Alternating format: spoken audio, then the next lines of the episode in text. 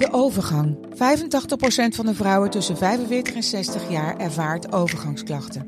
Klachten die kunnen leiden tot een verkeerde diagnose of langdurige arbeidsongeschiktheid. Wat kun je doen als je overgangsklachten ervaart? Hoe maak je dit bespreekbaar op je werk? En als jouw medewerker bij jou komt, wat kun je als werkgever dan doen? Sector Instituut Transport en Logistiek heeft een kennisplatform ontwikkeld waar jij terecht kunt voor tips en adviezen.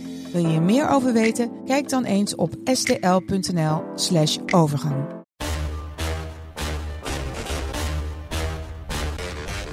Dit is Strik Privé.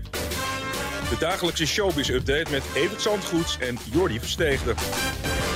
Aflevering 266 en aflevering 10.000 vandaag, denk ik zo ongeveer in de Hazessoap, hè?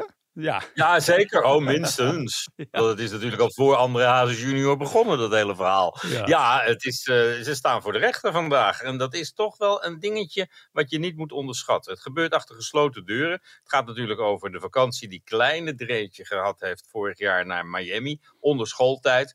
En toen zij van de week klaagde over rust en regelmaat wat die jongen nodig heeft. En dat school, school die kon dat niet geven. Toen dacht ik, hè? Jullie halen hem van school. En ja. dat is toch weinig rust en regelmaat op vakantie in Miami. Maar goed, het is een, uh, een keuze geweest van uh, André en Monique. Waarvan ze denk ik de gevolgen niet helemaal hebben overzien op dat moment. Die school heeft er werk van gemaakt. Jochie is inmiddels van die school af. Hebben we kunnen zien ja. door een bevriende paparazzo. Die er van de week wat foto's van gemaakt heeft. Om hem vervolgens weer te blurren.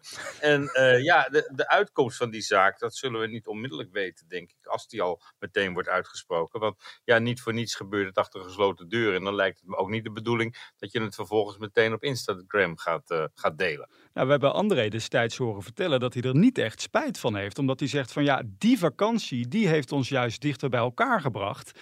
Dus ja, uh, we, ja we riskeren dan wel een boete. Nou, ik heb vandaag even ingelezen. Uh, die boete die kan maximaal oplopen tot 900 euro. Dat is niet iets waar ja. André wakker van kan liggen, toch? Nee, nee daar weet er ook geen spijt van, denk ik. Maar als het ook een... Ja, het is toch een vervelende zaak. Je dat moet, is het, uh, ja. Ik zeggen, ik heb er geen spijt van, want het is weer zo'n zo'n hazesredenatie, weet je. Ja kind is van school omdat het aan de school ligt. Ja. Het zal allemaal wel. We weten er het fijne niet vanaf, omdat het achter gesloten deuren gebeurt. En misschien dat we nog iets van de uitkomst gaan meekrijgen.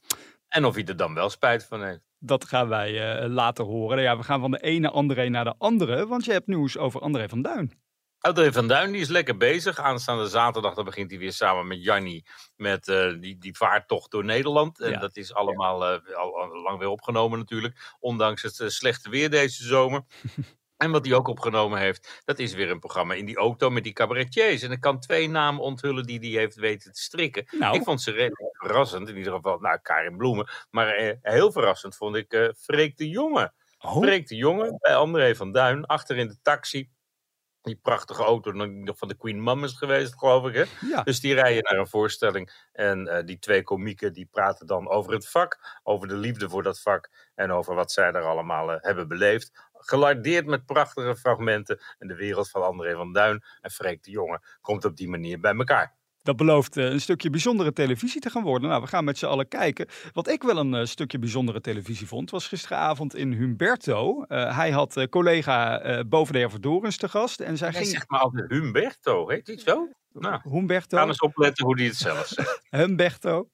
Ja, nou ja, ik ga het vanavond nog maar eens een keer uh, bekijken. Maar in ieder geval, ja, ik vond het opvallend omdat zij dan live gingen bespreken wat ze nou vonden van het vertrek van Eva Jinek. En toen was Bo heel eerlijk. Die zei, nou ja, ik had verwacht dat zij wel voor de cash zou gaan. Ik had het niet verwacht. Nee. Had jij het verwacht? Nee. Het kwam als een donderslag bij heldere hemel. Ja. Ik ben dan toch zo'n uh, commercieel figuur. Ik denk, nou ja, ze gaat voor de cash, je blijft hier. En ze ging hartstikke goed het laatste seizoen. Volgens mij gaat ze gewoon naar de zwangerschap terugkomen. Dat vond ik nou best wel een ordinaire opmerking eigenlijk. Hoe kijk jij daarnaar? Uh, ja, het is weinig chic om het uh, loosterookje van Eva te gaan zitten bespreken. Terwijl je zelf weer meer kansen gekregen hebt. Dus ja, het is wel... Umberto, zeg ik. Die zei ook, uh, moet dit op tv? Ja, waarom niet? Ja. ja, ik vond het ook wel vrij ongemakkelijk eigenlijk. Ja, nou ja, ik ben heel benieuwd wie nou de vervanger van Eva gaat worden. Ja, daar wordt in Hilversum heel erg over gespeculeerd. Ik hoor de naam van Leonita Braak steeds vaker voorbij komen. Ja, ze moeten er denk ik toch wel met een goed alternatief komen, omdat we toch wel zien dat die mannen van vandaag een site aan het inhalen zijn van rechts. Dus... Ja, maar dan krijg ik bij Leonita Braak niet een heel warm gevoel. Niet als interviewster en niet als kijkcijferkanon van oh, wat zal Leonie vanavond hebben? Dat, nee. Leonie geen Eva. Hmm, heb jij dan nog een andere Eva in de aanbieding? Iemand die het wel zou kunnen? Nou ja, de naam die natuurlijk ook roleert, maar die ook meteen kan afserveren, is die van Margriet van der Linden, M. Ja. En uh, ja, dat zie ik er ook niet helemaal de match met RTL. Laten we niet vergeten dat M natuurlijk ook ja, is ook niet. Nou, dat bestaat ook niet meer. Zeg.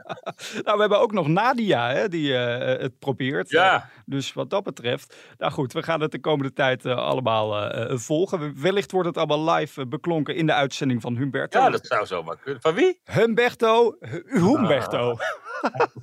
Sorry hoor. Nou goed, wij gaan het even over totaal iets anders hebben. We gaan het hebben over een hele grote nieuwe musical die naar Nederland komt. 4045. Dat belooft een spektakel te worden, geloof ik, hè? Ja, we zijn natuurlijk opgewarmd de afgelopen 12,5 jaar door ja. de Soldaat van Oranje. En dat heeft er wel voor gezorgd dat er meer van dat soort spektakelmusicals uh, geproduceerd worden.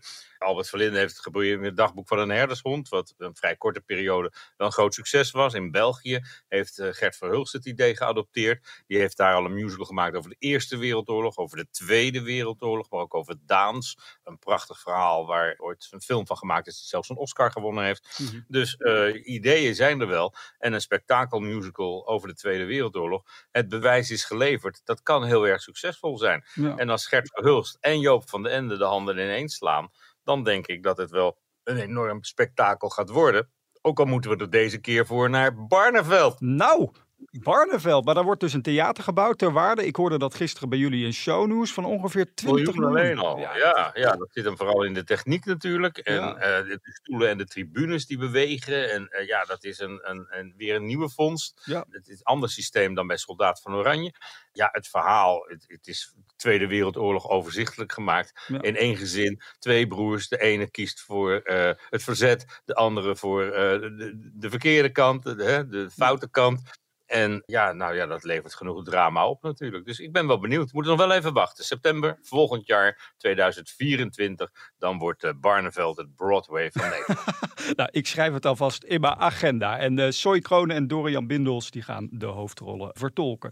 Ja, tot slot gaan we het nog even hebben over Katja Schuurman. Want uh, ja, we hebben het gisteren over haar statement gehad natuurlijk. Over ja, die is door de zure appel heen. Die heeft wat van zich laten horen en krijgt daar de steun van onder andere van Dinant Woesthof. Ja, die zegt van uh, ook dit gaat voorbij. En daar heeft hij gelijk in. Maar het neemt niet weg dat het voor Katja een buitengewoon vervelende zaak is. Met uh, van haar dochter heel veel vragen. Van, ik, ik kan me voorstellen dat zij het allemaal verschrikkelijk vindt. En diezelfde taak, zo'n statement uitgeven, ja, daar heeft Igor de Jong nog mee gewacht. Toch zal ze dat vandaag of morgen wel gaan doen, lijkt me. Want anders blijft zij in één adem genoemd worden met Thijs Reumer. En dat willen maar heel weinig mensen. Goed, wij zijn er uh, bijna doorheen. Maar goed, ik ga natuurlijk eerst aan jou thuis vragen om nog even wat vragen in te sturen. Want de zakken hier op de redactie die kunnen nog wat voller. Morgen de persconferentie met Evert. Dus kom maar door via podcast.telegraaf.nl. En dan melden we ons vrijdag dus weer om 12 uur. Tot morgen.